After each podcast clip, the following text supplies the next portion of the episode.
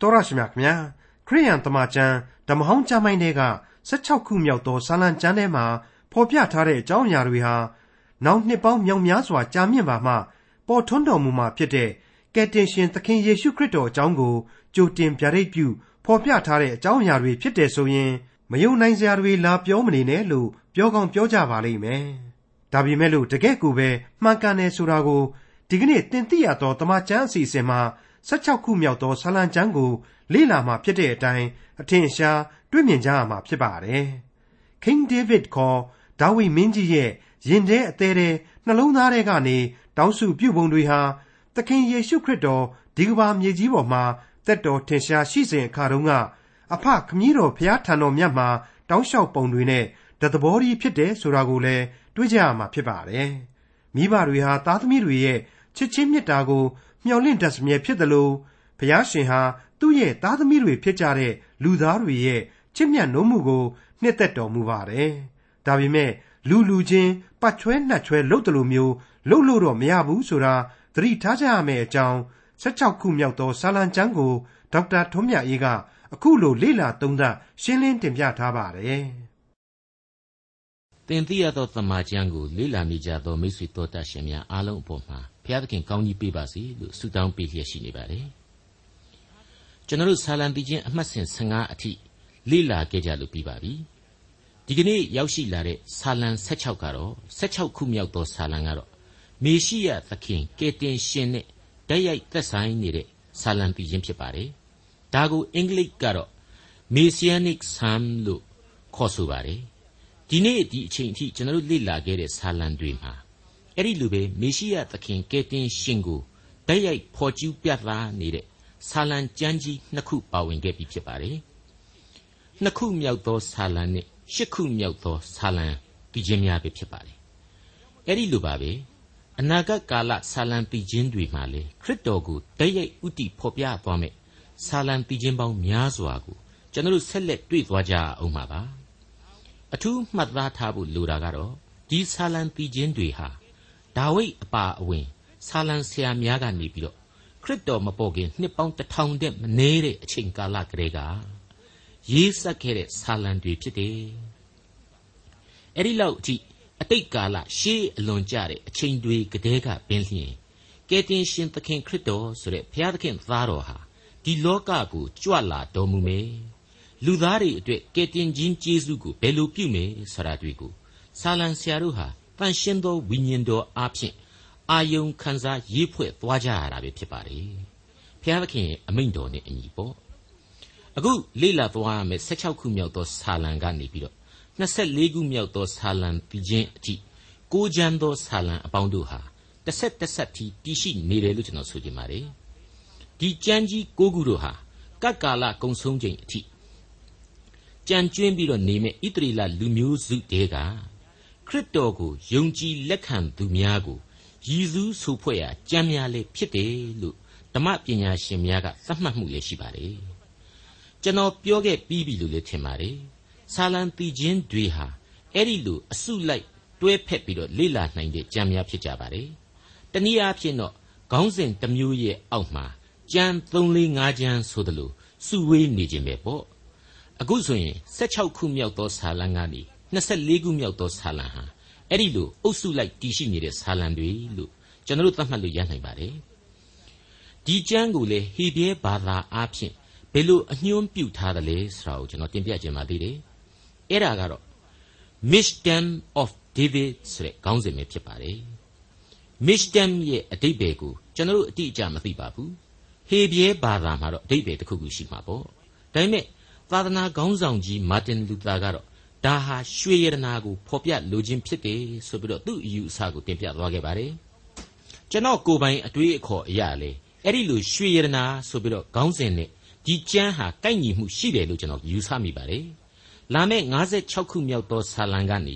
60ခုမြောက်သောဆာလံများကြလို့ရှိရင်လေအဲ့ဒီလိုပဲဒီကျမ်းတွေကို Wisdom of David ဆိုပြီးတော့ဖော်ပြသွားပါလိမ့်ဦးမယ်အခုကျမ်းရဲ့အငယ်ရှစ်ဟာခရစ်တော်ရဲ့သက်တော်စဉ် အငယ်9ဟာအသေးခံတော်မူခြင်းအငယ်30တို့ဟာရှင်ပြန်ထမြောက်တော်မူခြင်းအငယ်17ဟာကောင်းကင်ဘုံကိုတက်ကြွတော်မူခြင်းများအကြောင်းကိုအအနာဂတ်ဗျာဒိတ်ပြုထားပါတယ်ဒါတွေကိုသက်ဆိုင်ရာအပိုင်းတွေမှာအကျယ်တဝင့်ကျွန်တော်ဖော်ပြပေးသွားပါမယ်အခုအချိန်မှာတော့တန်ရှင်းသောဝိညာဉ်တော်ရဲ့လမ်းပြခြင်းကိုအားလုံးဆုတောင်းခံယူရင်းနဲ့16ခုမြောက်သောဆာလံကိုစတင်လေ့လာကြည့်ကြပါစို့အကျွန်ုပ်ကိုစောင့်မတော်မူပါဖျား ကိုတော်ကိုအကျွန်ုပ်ခိုလှုံပါ၏ဆာလံဆရာဒါဝိဒ်မင်းကြီးရဲ့ဖျားသခင်ကိုခိုလှုံခြင်းအကြောင်းဟာသမိုင်းနဲ့ချီပြီးတော့တက်သေးတည်နေတာကိုကျွန်တော်တို့ဘယ်သူမှမငြင်းနိုင်ပါဘူးအကျယ်ချဲ့စရာလည်းမလိုတော့တော့ပါဘူးဓမ္မရာဇဝင်သင်ခန်းစာတွေဟာရာဇဝင်မှတ်တမ်းများအနေနဲ့ဖော်ပြခဲ့တယ်အခုသူအဓိကဥဆောင်ပြီးတော့ဖွင့်ရွက်ထားတဲ့ဆာလံပီချင်းတို့ဟာပြန်လဲအတီးပြုတ်ပေးနေတယ်လို့ပဲလို့ကျွန်တော်ခံယူနိုင်ပါတယ်ကျွန်တော်ခံယူမိပါတယ် အခုစောင့်မတော်မူပါဆိုတာဟာအင်္ဂလိပ်လို preserve ဆိုပြီးတော့ဖော်ပြထားပါတယ်ထိမ့်သိမ့်ထားပေးပါမတိမ်မဆောင်ဗျာစေနှင့်ဆိုတဲ့အတိတ်ပဲပဲဖြစ်ပါတယ်တစ်ချိန်တည်းမှာအဲ့ဒီလိုအသနာခံခြင်းယင်ဖွင့်ပြောဆိုခြင်းကိုခရစ်တော်ရဲ့လူဘဝမှာအခိုင်အမာတွေ့ရှိရပါတယ်ရှင်ယောဟန်ခရစ်ဝင်ကျမ်းအခန်းကြီး9အငယ်30မှာကြည်ပါငါသည်ကိုအလိုလျောက်အဘယ်အမှုကိုမျှမပြုနိုင်ငါသည်ကြားသည့်အတိုင်းစီရင်၏ ငါစီရင်ခြင်းသည်လည်းတရားတော်နှင့်ညီညွတ်၏အကြောင်းမူကားငါသည်ကိုအလိုသို့မလိုက်ငါကိုစေလွှတ်တော်မူသောခမည်းတော်၏အလိုသို့လိုက်၏တသဘောတည်းဖြစ်နေတယ်မဟုတ်ဘူးလားလူသားကိုကယ်တင်ဖို့ဂယုနာတော်နဲ့လူဇာတိကိုခံယူသူကယ်တင်ရှင်ကားသာအဲ့ဒီလိုလူဇာတိစိတ်သဘောသဘာဝအတိုင်းနှိမ်ချတဲ့စိတ်ယုံကြည်ခြင်းသဘောတို့နဲ့တက်တည်ပြသခဲ့တာကျွန်တော်ဇာတိပဂရိလူအစ်စ်တွေကတော့အဲ့ဒါမျိုးမရှိကြတော့ဘူး ငါဒီဟူသောမာမာနတွေနဲ့ဘုရားသခင်ကိုကြောခိုင်းတတ်ကြတယ်ပညာကုံငွေကုံဆွေမျိုးကုံစတဲ့တိုင်းကြီးတွေအမျိုးမျိုးတဲမှာပဲနေကျင်ကြတယ်ဂုံမောက်ချင်ကြတယ်ဆိုတာကိုအံ့ဩပွေနှိုင်းရှင်ခြင်းအဖြစ်ဒီနေရာမှာစဉ်းစားသင့်တာပါလေခရစ်တော်ကိုတော်တိုင်နှုတ်ကထွက်ခဲ့တဲ့အသံကိုပြန်ပြီးနားဆင်ကြည့်ကြပါငါသည်ကိုအလိုအလျောက်အဘယ်အမှုကိုမျှမပြုနိုင်ငါသည်ကြားသည့်အတိုင်းစီရင်၏ငါစီရင်ခြင်းသည်လည်းတရားတော်နှင့်ညီညွတ်၏ အကြောင်းမူကားငါသည်ကိုအလိုသို့မလိုက်ငါကိုစေလွတ်တော်မူသောခမည်းတော်၏အလိုသို့လိုက်၏တဲ့ထို့အတူပါပဲဒါဝိမင်းကြီးရဲ့အခု16ခုမြောက်သောဆာလံအစမှာကတော့အကျွန်ုပ်ကိုစောင့်မတော်မူပါဖျားကိုတော်ကိုအကျွန်ုပ်ခိုးလှုံပါ၏တဲ့ကျွန်တော်တို့ဟာပြီးခဲ့တဲ့ဆာလံအခန်းကြီး၈ရေဟေဘရဲဩဝါဒစာအခန်းကြီး2ရေတဲကလူသားကိုဘုရားသခင်ဟာကောင်းကင်တမန်တဲ့အနည်းငယ်နှိမ့်ချတော်မူတယ်ဆိုပြီးတော့ ဖော်ပြတဲ့အကြောင်းကိုကျွန်တော်ဖော်ပြခဲ့ပြီးပါပြီဒါဟာခရစ်တော်ဆိုတဲ့လူသားဟာလည်းဒီအတိုင်းပဲကျွန်တော်တို့လည်းဒီအတိုင်းပဲပေါ့လူဇာတိပြီးပြီးပြင်းပြင်းဖြစ်စေဖို့ရန်အတွက်ခရစ်တော်ဟာကောင်းကင်တမန်လိုဆင်းသက်လာတာမဟုတ်ဖ ೇನೆ လူပြီးပြီးအပြိုကညာမိမရဲ့ဝန်းကနေဖွားမြင်ခြင်းကိုခံတော်မူခဲ့တယ်အမှန်စင်စစ်တော့အဲ့ဒီလိုလူဘဝကိုခံယူသည့်တိုင်အောင်သူဟာတကိုးတော်ဘလောက်ကြီးကြီးတယ်ဆိုတာကိုမြင်ခဲ့ရပြီးသားပါအခုတော့ခရစ်တော်ကိုယ်တိုင်ကနှုတ်တော်ကဝန်ခံခဲ့တယ်ငါကိုစစ်လွတ်တော်မူသောခမည်းတော်၏အလိုတော်သို့သာငါလိုက်ပြီးတော့နှုတ်ကပတ်တော်အားဖြင့်သာလျှင်လေငါသည်စီရင်တော်မူ၏တဲ့16ခုမြောက်သောဆာလံအငယ်1ကိုတော်သည်အကျွန်ုပ်၏သခင်ဖြစ်တော်မူသည်ဟုထာဝရဘုရားကိုအကျွန်ုပ်လျှောက်ဆိုပါပြီကျေးဇူးတော်မှတပါအခြားသောမင်္ဂလာသည်အကျွန်ုပ်၌မရှိပါကျွန်တော်လူသားတိုင်းဟာကိုယ့်ရဲ့သားသမီးလေးတွေကနေဖက်တွယ်ပြီးတော့ ဖေဖေကိုချစ်တယ်မေမေကိုချစ်တယ်ဒါတို့ဖေဖေကွာဒါတို့မေမေကွာဆိုတာမျိုးကိုမိဘတို့အနေနဲ့သိပြီးတော့ကြိုက်နှစ်သက်တတ်ကြတာကိုကျွန်တော်လေ့လာမိပါတယ်သားသမီးတို့ရဲ့ချစ်ချင်းမေတ္တာကိုမိဘများဟာမျှော်လင့်တတ်စမြဲပဲလို့ဆိုကြပါတယ်ဒါဝိဒ်ဟာအခုဘုရားသခင်ကိုသူ့ရဲ့ဖခင်အဖြစ်သူ့ရဲ့သခင်အဖြစ်ပြင်းပြင်းပြပြဟစ်ကြွေးလိုက်ပါတယ်ကိုတော်ဒီကျွန်တော်မျိုးဤသခင်ဖြစ်ပါတယ်ကျေးဇူးတော်မှတပါအခြားမင်္ဂလာကျွန်တော်မျိုးမှာဘာမှမရှိပါဘူးတဲ့ ဒီတော့ဘုရားသခင်ကိုတော်တိုင်ဟာဒါဝိဒ်အပေါ်မှာဘလောက်အထိကောင်းကြီးပေးမယ်သူ့ရဲ့ဆုတောင်းသံကိုနားညောင်းလိမ့်မယ်ဆိုတာဟာအထူးပြောစရာမလိုတော့ပါဘူးဒီလိုပြောလို့လူလူချင်းပတ်ချွဲနှက်ချွဲလောက်တာမျိုးလေဘုရားသခင်ကိုသွားလို့တော့မရပါဘူးနော်အဲ့ဒါကိုလည်းကျွန်တော်တို့သတိထားရမယ်ရှင်မသက်ခရစ်ဝင်ကျမ်းအခန်းကြီး9အငယ်27မှ23တို့ကဖော်ပြတယ်သခင်သခင်ဆိုပြီးတော့ဘုရားသခင်အလိုတော်အတိုင်းမလိုက်နာတာမျိုးကြပြန်ရင်တော့လေမဖြစ်သေးဘူးဆိုတာဟာတသက်သေရှိပါတယ် အဲ့ဒီလိုလူမျိုးတွေနဲ့ပတ်သက်ပြီးတော့ခရစ်တော်ကယ်တင်ရှင်ကိုတော်တိုင်ဟာရှင်မသက်ခရစ်ဝင်ကျမ်းအခန်းကြီး9အငယ်21ကနေ23မှာသခင်သခင်ဟုငါကိုလျှောက်တော်သူတိုင်းကောင်းကင်နိုင်ငံတော်သို့ဝင်ရလိမ့်မည်မဟုတ်ခကောင်းကင်ဘုံ၌ရှိတော်မူသောငါခမည်းတော်၏အလိုကိုဆောင်သောသူသာလျှင်ဝင်ရလိမ့်မည်ထိုနေ့၌ကသခင်သခင်အကျွန်ုပ်တို့သည်ကိုတော်အခွင့်နှင့်ဆုံးမဩဝါဒပေးပါပြီမဟုတ်လောကိုတော်အခွင့်နှင့်နတ်ဆိုးတို့ကိုနှင်ထုတ်ပါပြီမဟုတ်လော ကိုတော်အခွင့်နှင့်များစွာသောတကိုးတို့ကိုပြပါပြီမဟုတ်လောဟုအများသောသူတို့သည်ရှောက်ကြလိမ့်မည်ထို့သောရှောက်သောအခါသင်တို့ကိုငါအရှင်းမသိအရမအမှုကိုပြုသောသူတို့ငါထံမှဖယ်ကြဟု ထိုသူတို့အားအတိအလင်းငါပြောမည်ဒါဟာခရစ်တော်ရဲ့နာမတော်ကိုအလွဲသုံးစားမလုပ်ဖို့နာမတော်ကိုအမိပြုတ်ပြီးတော့အသက်တာကိုမစင်မကြယ်မလုပ်ဖို့ဘုရားသခင်ပြက်ပြက်သားသားဆုံးမသတိပေးလိုက်ခြင်းပဲဖြစ်ပါတယ်16ခုမြောက်သောဆာလံ အငယ်3ပြည်တော်၌နေသောတန်ရှင်းသူနှင့်ထူးဆန်းသောသူတို့ကိုသာနှစ်သက်ပါ၏ဒီနေရာမှာထူးဆန်းသောသူတို့ဆိုပြီးတော့အများကိုစားပြုဖော်ပြထားပေမယ့်ထူးဆန်းသောသူဆိုတဲ့တူရီသောသူကိုသာဆိုလိုတာဖြစ်ပါလေဒါကိုအင်္ဂလိကန်အသင်းတော်များကသုံးဆွဲတဲ့ကျမ်းစာပရိညင်တရားတော်ဟောင်းကျမ်းစာအုပ်ထဲမှာကငါနှစ်သက်မွေ့လျော်ရာလူမြတ်ပေဒီဟုမြေကြီးပေါ်ရှိတန်ရှင်းသူတို့အား၎င်း ငါဝန်ခံခဲ့ပြီလို့ဖော်ပြထားပါတယ်တနည်းအားဖြင့်ထူးဆန်းသောလူဆိုတာဟာငါနှစ်သက်မွေ့လျော်ရာလူမြတ်တာဖြစ်ပါတယ်ကယ်တင်ရှင်သခင်ခရစ်တော်ကိုသာတိုက်ရိုက်ဥတီဖော်ပြလိုက်ခြင်းပဲဖြစ်ပါတယ်အငယ်လေးအခြားသောလမ်းသို့လိုက်ပြေးသောသူတို့သည်များစွာသောဆင်းရဲဒုက္ခကိုခံရကြလိမ့်မည်ငါသည်သူတို့သွန်းလောင်းရာပူဇော်သက်ကအသွေးကိုမလှူမဆက်လို့သူတို့ဖျားဤနာမကိုမမွက်လို့ ဒီနေရာမှာအခြားသောလမ်းဆိုတာဟာအဲ့ဒီဒါဝိဒ်ခေတ်ကခေါင်းထောင်နေတဲ့ဒါဂုံတို့ဘာလာတို့စတဲ့နတ်ဖျားတွေကိုရည်စူးလိုက်ခြင်းပဲဖြစ်ရပါလိမ့်မယ်ဖျားသခင်ကိုခိုလှုံကိုးကွယ်နေတဲ့ဒါဝိဒ်အဖို့အဲ့ဒီလိုနတ်ဖျားဆိုတာဟာကိုယ်ပါဇက်แท้မှတောင်ထဲ့မပြောခြင်းဘူးမပြောလိုဘူးဆိုတာကိုဒါဝိဒ်မင်းကြီးပြက်ပြက်သားသားဖော်ကျူးလိုက်ခြင်းပဲဖြစ်ပါတယ်16ခုမြောက်သောဆာလံအငယ်9နဲ့6ထာဝရဘုရားသည်ငါအမွေခံရာအဖို့ ငါစားတော့ရာအဖို့ဖြစ်တော်မူ၏ကိုတော်သည်အကျွန်ုပ်အမွေအနှစ်ကိုစောင့်ရှောက်တော်မူ၏ငါပိုင်တိုက်သောနယ်နိမိတ်သည်သာယာသောအရက်တွင်ကြာ၍ကောင်းမွန်သောအမွေကိုငါခံရပြီဘလောက်အံ့ဩဖို့ကောင်းတဲ့အပိုင်းလေငါအမွေခံရအဖို့ဖြစ်တယ်တဲ့အင်္ဂလိပ်ကျတော့ the lord is the portion of mine inheritance ဆိုပြီးတော့သုံးထားပါတယ်အဲ့ဒီလိုခွဲဝေခြင်းဆိုတာကိုဖော်ပြလိုက်တာတယ်မကသေးပါဘူး ကျွန်တော်စားတော့ရန်အတွက်လေအဖို့တဖို့ဖြစ်တယ်အကျွန်ုပ်ရဲ့အမွေအနှစ်ကိုလည်းစောင့်ရှောက်ပေးသေးတယ်တဲ့ကဲဒီအသုံးအနှုန်းဟာကဲတင်ရှင်သည်လူစားတိကိုခံယူ၍လောကသားတို့အတွက်ကိုစားကံမေတ္တာများစွာနဲ့ကောင်းကင်နိုင်ငံတော်အမွေကိုပေးတော်မူ၏ဆိုတဲ့အချက်ကိုထင်ရှားပေါ်လွင်နေစေတယ်မဟုတ်ဘူးလားအကယ်၍သာကယ်တင်ရှင်ရဲ့ဒီလိုအမှုဆောင်သို့မဟုတ်အမွေရင်းတာဝန်ဆိုတာကိုသာသီးသန့်ပိုင်းခြားမှုမရှိဘူးဆိုရင် ဒီကျမ်းဟာဘယ်လို့မှအတိတ်ပဲရှိနိုင်မယ်မထင်ပါဘူးဒီအတိတ်ပဲကိုပဲဒီဆာလံသိချင်းဟာရှင်းရှင်းကြီးဖော်ပြနေတယ်လို့ကျွန်တော်တင်ပြလိုက်ပါရစေအဖို့သို့မဟုတ်ခွဲတန်းသို့မဟုတ် share ဆိုလို့ကျွန်တော်တို့ကလူတွေတန်းစီပြီးတော့ကိုယ်ခွဲတန်းကိုကိုချွေးပြိုက်ပြိုက်ကြအောင်စောင့်ပြီးထုတ်ရတဲ့ခွဲတန်းမျိုးသဘောမျိုးထားလို့မရပါဘူးရှင်ယောဟန်ခရစ်ဝင်ကျမ်းအခန်းကြီး30အငယ်30မှာဖော်ပြထားတာကငါမူကားသိုးတို့ကိုအသက်လွတ်ယုံမျှမက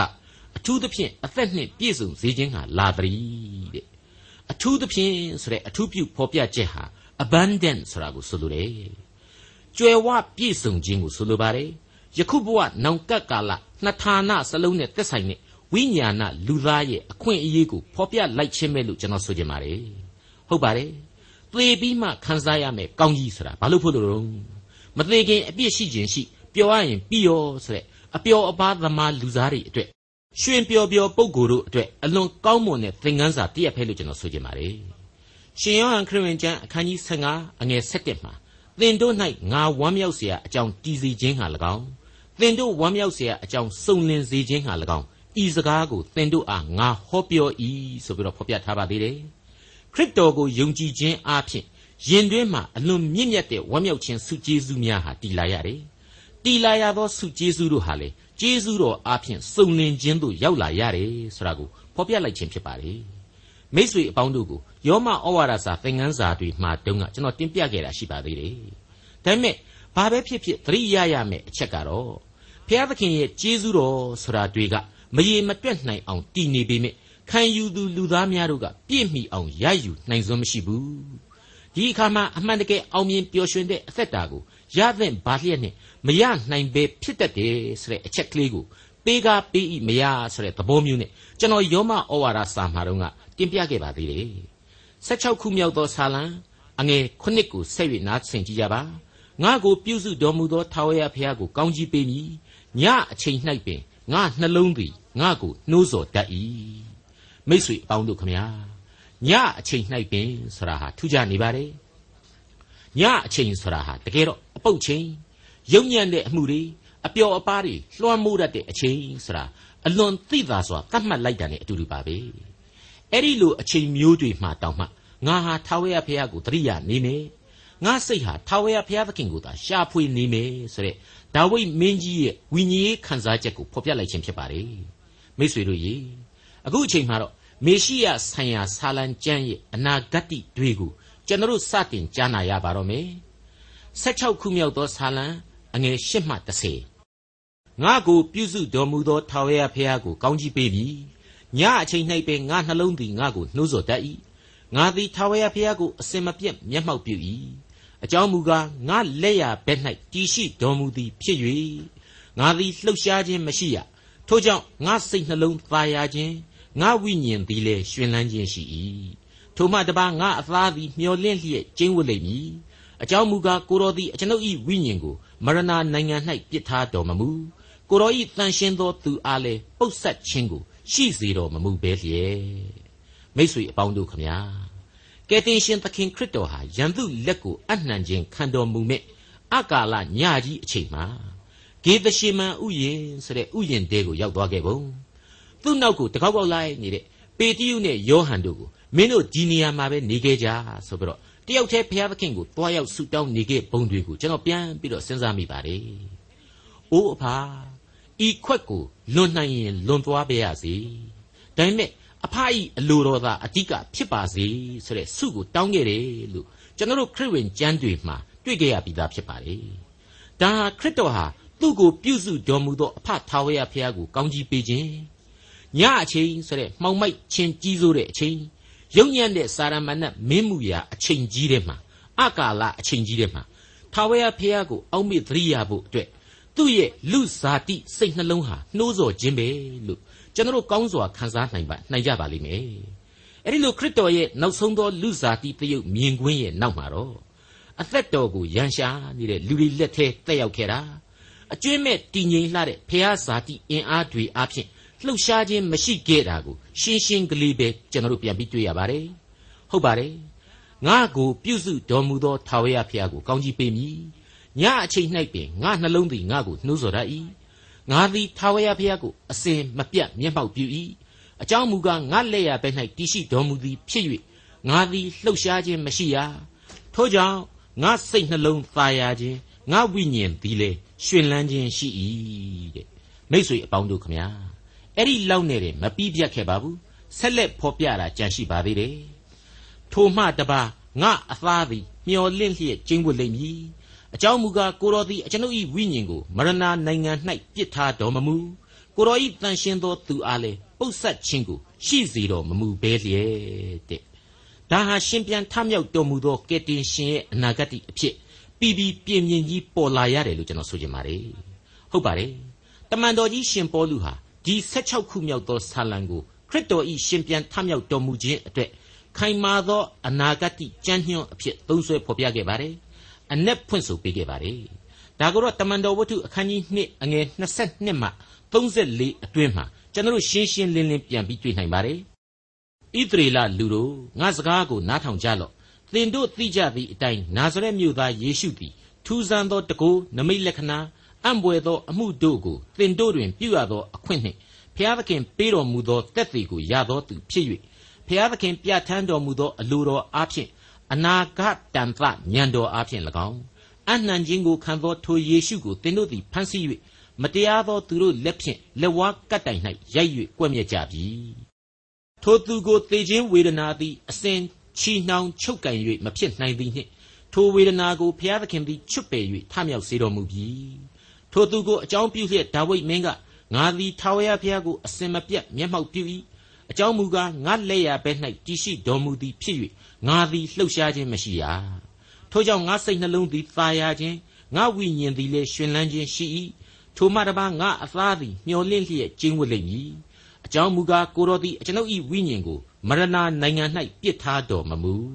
ကိုတော်ဤတန်ရှင်းသောသူအားလည်းပုတ်ဆက်ခြင်းကိုရှိစေတော်မမူဘဲလျက် အသက်ရှင်ခြင်းလမ်းကိုပြညွှန်တော်မူလိမ့်မည်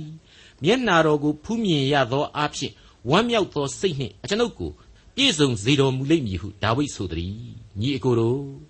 အမျိုးဤအဖဖြစ်သောဒါဝိဒ်အကြောင်းကိုငါသည်သင်တို့အားအတိအလင်းပြောပါရစေထိုဒါဝိဒ်သည်သေ၍သင်ကြူသောတွင်သည်ယခုတိုင်အောင်ငါတို့၌ရှိ၏ထိုသူသည်မိမိအမျိုးအနွယ်တွေကလူစားတိအားဖြင့် ခရစ်တော်ကိုဖျားသခင်ထမြောက်စေ၍မိမိပလင်ပေါ်မှတင်တော်မူမည်အကြောင်းဒိဋ္ဌံကျိန်ဆိုတော်မူသည်ကိုပရောဖက်ဉာဏ်အားဖြင့်သိ၍ခရစ်တော်ဤထမြောက်ခြင်းအကြောင်းကိုရည်မှတ်လျက်ထိုခရစ်တော်ဤစိတ်ဝိညာဉ်ကိုမရဏနိုင်ငံ၌ပြစ်ထားတော်မမူအသားသည်လေပုတ်ဆက်ခြင်းသို့မရောက်ဟုအနာဂတ်တန်သဉာဏ်နှင့်ဟောလေ၏အဲ့ဒီလောက်အထိပြက်ပြက်သားသားရှိနိုင်အောင်လို့ခရစ်တော်ရဲ့ရှင်ပြန်ထမြောက်တော်မူခြင်းဆရာဟာ ခရစ်တော်မပေါ်မီနှစ်ပေါင်းတစ်ထောင်လောက်ကလေးကဆာလံဆရာအပေါင်းတို့ကြိုတင်ဆိုဖွဲ့ခဲ့တာပဲဖြစ်တယ်ဆိုတာကိုရှင်ပေါလုဒီနေရာမှာမိမောင်းထုတ်ပြလိုက်ပါတယ်မိတ်ဆွေအပေါင်းတို့ခမညာကျွန်တော်ကလည်းရှင်ပေါလုကိုစိတ်ဆွဲနေရတာနဲ့ပဲရှင်ပေါလုနဲ့ရှင်ပေတရုကိုမှားပြီးပြောခဲ့မိပါတယ်တမန်တော်ဝတ္ထုအခန်းကြီး1မှာအဲ့ဒီလိုရှင်ပေတရုကပြောခဲ့ခြင်းဖြစ်ပါတယ်တမန်တော်ကြီးရှင်ပေါလုကလည်းတမန်တော်ဝတ္ထုထဲမှာပဲသူ့ရဲ့ဂန္ဓကိုရောက်တဲ့အချိန်မှာ အခုလိုပဲဆာလံတီချင်းများကိုအကိုအကာပြုတ်ပြီးတော့ဆုံးမဩဝါဒပေးခဲ့တယ်ဆိုတာကိုကျွန်တော်ဆက်လက်သက်သေပြခြင်းပါတယ်တမန်တော်ကြီးရှင်ပေါလုကတော့ဆာလံ16ကိုသာမဟုတ်ဘဲဒုတိယမြောက်သောဆာလံဆိုတဲ့နှစ်ခုမြောက်သောဆာလံကိုပါရောပြီးတော့ဆာလံကျမ်းများအားလုံးကိုခြုံငုံကိုးကားပြီးတော့မှဆုံးမဩဝါဒပေးခြင်းဖြစ်ခဲ့တယ်လို့ကျွန်တော်ဒီနေရာမှာတင်ပြခြင်းပါတယ်တမန်တော်ဝတ္ထုအခန်းကြီး73အငယ်26မှ39ကိုနားဆင်ကြကြပါ အာဗြဟံအမျိုးဖြစ်သောညီအကိုမှစ၍သင်တို့တွင်ဖျားသခင်ကိုကြောက်ရွံ့သောသူတို့ဤကဲ့တင်တော်မူခြင်းတရားစကားကိုသင်တို့အားကြားလိုက်တော်မူ၏ယေရုရှလင်မြို့၌နေသောသူတို့နှင့်တကွမင်းများတို့သည် ထိုသခင်ကို၎င်းဥပုပ်နေတိုင်းအစဉ်ဖတ်ရသောပရောဖက်တို့၏စကားကို၎င်းမသိနားမလည်သောကြောင့်ထိုသခင်ကိုစီရင်သောအဖြစ်ထိုပရောဖက်တို့၏စကားကိုပြည့်စုံစေကြပြီကိုတော်၌သေလိုက်သောအပြစ်တစုံတစ်ခုကိုမျှမတွေ့တော်လဲ ကွက်မြက်စေမည်အကြောင်းပိလတ်မင်းထံ၌တောင်းလျှောက်ကြ၏ထိုသခင်ကိုရည်မှတ်၍ကျမ်းစာ၌ရေးထားသမျှတို့ကိုပြည့်စုံစေပြီးလျှင်အလောင်းတော်ကိုတစ်တိုင်မှချ၍သင်္ချိုင်းတွင်း၌ထားကြ၏ဖျားသခင်သည်လည်းသေခြင်းမှထမြောက်စေတော်မူသည်ဖြစ်၍ဂါလိလဲပြည်မှယေရုရှလင်မြို့သို့နောက်တော်၌လိုက်သောသူတို့အားနေ့ရက်များစွာကိုကိုကိုထင်ရှားပြတော်မူ၏ထိုသူတို့သည်လူများတို့အားတက်သေးကံဖြစ်ကြ၏ဟု ဆာလံကျမ်းဒုတိယဂန်း၌လာသည်ကားသင်သည်ငါသားဖြစ်၏ယနေ့ပင်သင်ကိုငါဖြစ်ပွားစေပြီဟုလာသည်နှင့်အညီဖျားသခင်သည်ယေရှုကိုထမြောက်စေတော်မူသဖြင့်ငါတို့ဘိုးဘေးများ၌ရှိသောဂရိတော်ကိုထိုသူတို့၏သားဖြစ်သောငါတို့အားပြည့်စုံစေတော်မူသည်ဟု၍၎င်းဒါဝိဒ်၌မြဲမြံသောကျေးဇူးတော်ကိုသင်တို့အားငါပေးမည်ဟုသောဗျာဒိတ်တော်နှင့်အညီ ထိုသခင်ကိုသေခြင်းမှထမြောက်စေ၍နောက်တဖန်ပုတ်ဆက်ခြင်းသို့မပြန်ဘဲအစဉ်ကင်းလွတ်ရမည်အခွင့်ကိုပေးတော်မူသည်ဟု၍၎င်းဝမ်းမြောက်စရာသတင်းဧဝံဂေလိတရားကိုငါတို့သည်သင်တို့အားကြားပြောကြ၏ထို့ကြောင့်ဆာလံကျမ်းတစ်ခန်း၌လာသည်ကားကိုရောဤတန်ရှင်သောသူအားပုတ်ဆက်ခြင်းကိုရှိစေတော်မမူဟုလာ၏ဒါဝိဒ်သည်မိမိကာလ၌ဘုရားသခင်အလိုတော်ကိုဆောင်ရွက်ပြီးလျှင်ကျိမ့်ဆက်၍မိမိဘိုးဘေးစုတဲသို့ဝင်သည်ဖြင့်ပုတ်ဆက်ခြင်းသို့ရောက်လေ၏ ဘုရားသခင်ထမြောက်စေတော်မူသောသူမူကားပုတ်ဆက်ခြင်းသို့မရောက်မိษွေတို့ဒီအပိုင်းဒီမှာရှင်းရှင်းလင်းလင်းနားလည်စေချင်ပါတယ်နားလည်ကြားလိမ့်မယ်လို့လည်းကျွန်တော်မျှော်လင့်ပါတယ်အခုဆာလံ16ပြီးခဲ့တဲ့ဒုတိယမြောက်သောဆာလံနဲ့တကွာဆာလံကျမ်းပေါင်းများစွာတို့ဟာကယ်တင်ရှင်မေရှိယရဲ့အကြောင်းကိုဖော်ပြနေသော Messianic Psalms များဖြစ်တဲ့အကြောင်းကိုကျွန်တော်ဖော်ပြနေခြင်းဖြစ်ပါတယ်ဒါတွေကို တမန်တော်ဝတ္ထုအခန်းကြီး2အရာတမန်တော်ကြီးရှင်ပေတရုဟာတက်တည်ပြခဲ့ပါတယ်အခုတမန်တော်ဝတ္ထုအခန်းကြီး73အရာတမန်တော်ကြီးရှင်ပေါလုကဆက်လက်တက်တည်ဖော်ညွှန်းလိုက်ခြင်းပဲဖြစ်ပါတယ်မိတ်ဆွေအပေါင်းတို့ပြုတော်မူသောဘုရားသခင်ရဲ့ကျေးဇူးတော်ဟာအလွန်တရာကြီးမားလှပါတယ်ဒီသခင်ရဲ့ရှင်ပြန်ထမြောက်ခြင်းဆရာဟာကျွန်တော်တို့လူသားတိုင်းအဖို့အန်တိမမျှော်လင့်ချက်များကိုပြည့်စုံစေပါတယ်ကျွန်တော်သိရင်ဘယ်ကိုရောက်ကုန်ကြမလဲဆိုတဲ့ တွေးပြက်ဖွယ်သောပဟေလိကိုအရှင်းလင်းဆုံးသောအဖြေများနဲ့ကျွန်တော်တို့ကိုနားလေစေလိုက်သောကယ်တင်ရှင်ကျေးဇူးပဲဖြစ်ပါတယ်ဒါကြောင့်မို့လို့လေတမန်တော်ကြီးရှင်ပေတရုဟာယက်တရပတ်တပတ်အတွင်းမှာလူ8000ကိုခရစ်တော်ကိုယုံကြည်စေခဲ့ပြီးတဲ့နောက်ယေရုရှလင်မြို့တော်ကြီးမှာအသင်းတော်ကိုစတင်တည်ဆောက်ပေးနိုင်ခဲ့သလိုတမန်တော်ကြီးရှင်ပေါလုအဖြစ်လေအဲ့ဒီခေတ်ကာလအနေအထားအရကဘာကုံကျဲတဲ့၍မှာအသင်းတော်တို့လျင်မြန်စွာပေါ်ထွက်လာစေခဲ့ပါတယ် ဒီကနေ့ဒီအချိန်မှလည်းဒီကျေးဇူးတော်ဟာဆက်လက်တည်ရှိတော်မူပြီးတဲ့နောက်ကျွန်တော်လူသားတိုင်းအတွက်သာဝရအသက်လမ်းကိုဖြောင့်တန်းစွာခင်းကျင်းပေးထားလျက်ရှိနေပါတယ်ငါသည်ထာဝရဘုရားကိုအစင်မပြတ်မျက်မှောက်ပြုသူဖြစ်သည်ဆိုတဲ့ကယ်တင်ရှင်မေရှိယဟာသူ့ရဲ့လက်ရတော်ဘက်မှာတည်ရှိတော်မူသောဘုရားသခင်ကြောင့်သေခြင်းတရားကိုရင်ဆိုင်နိုင်ခဲ့ပြီးတဲ့နောက်စိတ်နှလုံးသာယာဝမ်းမြောက်ခြင်းစိတ်ဝိညာဉ်ရှင်လန်းစွာနိုးထခြင်းရှိခဲ့ရပါတယ်အဲ့ဒါဟာကျွန်တော်တို့အတွက် ထာဝရအသက်လမ်းအတွက်ဝမ်းမြောက်ဖွယ်ဧဝံဂေလိသတင်းစကားကိုဖြစ်ပွားစေခြင်းပဲဖြစ်ပါတယ်ဒါအပြင်သူ့ရဲ့ဇာတိပဂရိလူယုတ်ဝါဟာသူပြန်လဲရှင်သန်ထမြောက်ရမယ်ဆိုတဲ့ရှင်ပြန်ထမြောက်ရမယ်ဆိုတဲ့မျှော်လင့်ခြင်းနဲ့ကျင်းဝတ်ခဲ့ရပြီးတဲ့နောက်မရဏနိုင်ငံသို့မဟုတ်သင်္ချိုင်းတွင်းမှာသုံးရက်နေထိုင်ခဲ့ပြီးတဲ့နောက်ပုတ်ဆက်ခြင်းအရှင်းမရှိအောင်အဖဖျားသခင်ဟာပြုစုစောင့်ထိန်ခဲ့ပါတယ်။ဒါကြောင့်သူဟာရှင်ပြန်ထမြောက်ခဲ့ရတယ်ဆိုတာတွေ့ကိုဆာလံဆရာဒါဝိဒ်မင်းကြီးရဲ့ 16ခုမြောက်သောဆာလံတီချင်းအားဖြင့်ကျွန်တော်တို့အံ့ဩဖွယ်ရာကောင်းလောက်အောင်နားလေဖြစ်တွေ့ခဲ့ကြပြီးပါပြီ။မိတ်ဆွေအပေါင်းတို့အဲ့ဒီလောက်အထိသွေးပြက်ခြောက်ခြားနေရတဲ့လောကရန်သိချင်းဆင်းရဲကိုအောင်မြင်ခဲ့တဲ့ကယ်တင်ရှင်သခင်ခရစ်တော်ဟာရှင်ပြန်ထမြောက်ပြီးတဲ့နောက်မှာတော့သူ့ရဲ့အသက်ရှင်ခြင်းတရားကိုလူသားတို့အတွက်ခြံလှပ်ထားခဲ့ပြီးဖြစ်ပါတယ်။အဲ့ဒါဟာဧဝံဂေလိဝမ်းမြောက်ဖွယ်သတင်းစကားပဲဖြစ်ပါတယ်။သူဟာအဲ့ဒီကယ်တင်ခြင်းအတွက်တစ်ကြိမ်သာလျှင်အသေးခံတော်မူပါတယ်။ နှစ်ကြိမ်အသေးမခံပါဘူး။သူဟာကောင်းကင်နိုင်ငံတော်ကိုပြန်လဲတက်ကြွသွားခဲ့ပြီဆိုတာကိုကျွန်တော်အားလုံးရဲ့ဓမ္မသမိုင်းမှတ်တိုင်များဟာဖော်ပြခဲ့ပြီးလည်းဖြစ်ပါတယ်။ဒီအကြောင်းကိုလည်း16ခုမြောက်သောဆာလံတီချင်းရဲ့နောက်ဆုံးပိုင်းအငယ်7ဟာအခုလိုဆက်လက်ဗျာဒိတ်ပြုလိုက်ပါတယ်။သက်ရှင်ခြင်းလမ်းကိုပြညွှန်တော်မူလိမ့်မည်။အထံတော်၌စုံလင်သောဝမ်းမြောက်ခြင်းအခွင့်နှင့်လက်ရတော်နားမှာအစဉ်အမြဲပျော်မွေ့ခြင်းအခွင့်ရှိပါ၏။ဟုတ်ပါတယ်။ အသက်ရှင်စေခြင်းလမ်းကိုခရစ်တော်ဟာပြညွှန်သွားမဲ့အကြောင်းကိုခရစ်တော်ကိုအိမ်မက်၌ပင်မမက်နိုင်လောက်တဲ့ရှေးကာလအနာဂတ်အားဖြင့်ဒါဝိဒ်မင်းကြီးဖွင့်ဆိုဖော်ပြပေးလိုက်ပါတယ်ဒေါက်တာထွန်းမြတ်ရေးစီစဉ်တင်ဆက်တဲ့တင်ပြရသောတမချန်းအစီအစဉ်ဖြစ်ပါတယ်နောက်ချိန်အစီအစဉ်မှာခရိယန်တမချန်းဓမ္မဟောင်းကျမ်းပိုင်းထဲမှာပါရှိတဲ့16ခုမြောက်သောစာလံကျမ်းနဲ့ 18ခုမြောက်သောစာလံကျမ်းတွေကိုလေ့လာမှဖြစ်တဲ့အတွက်စောင့်မျှော်နားဆင်နိုင်ပါတယ်။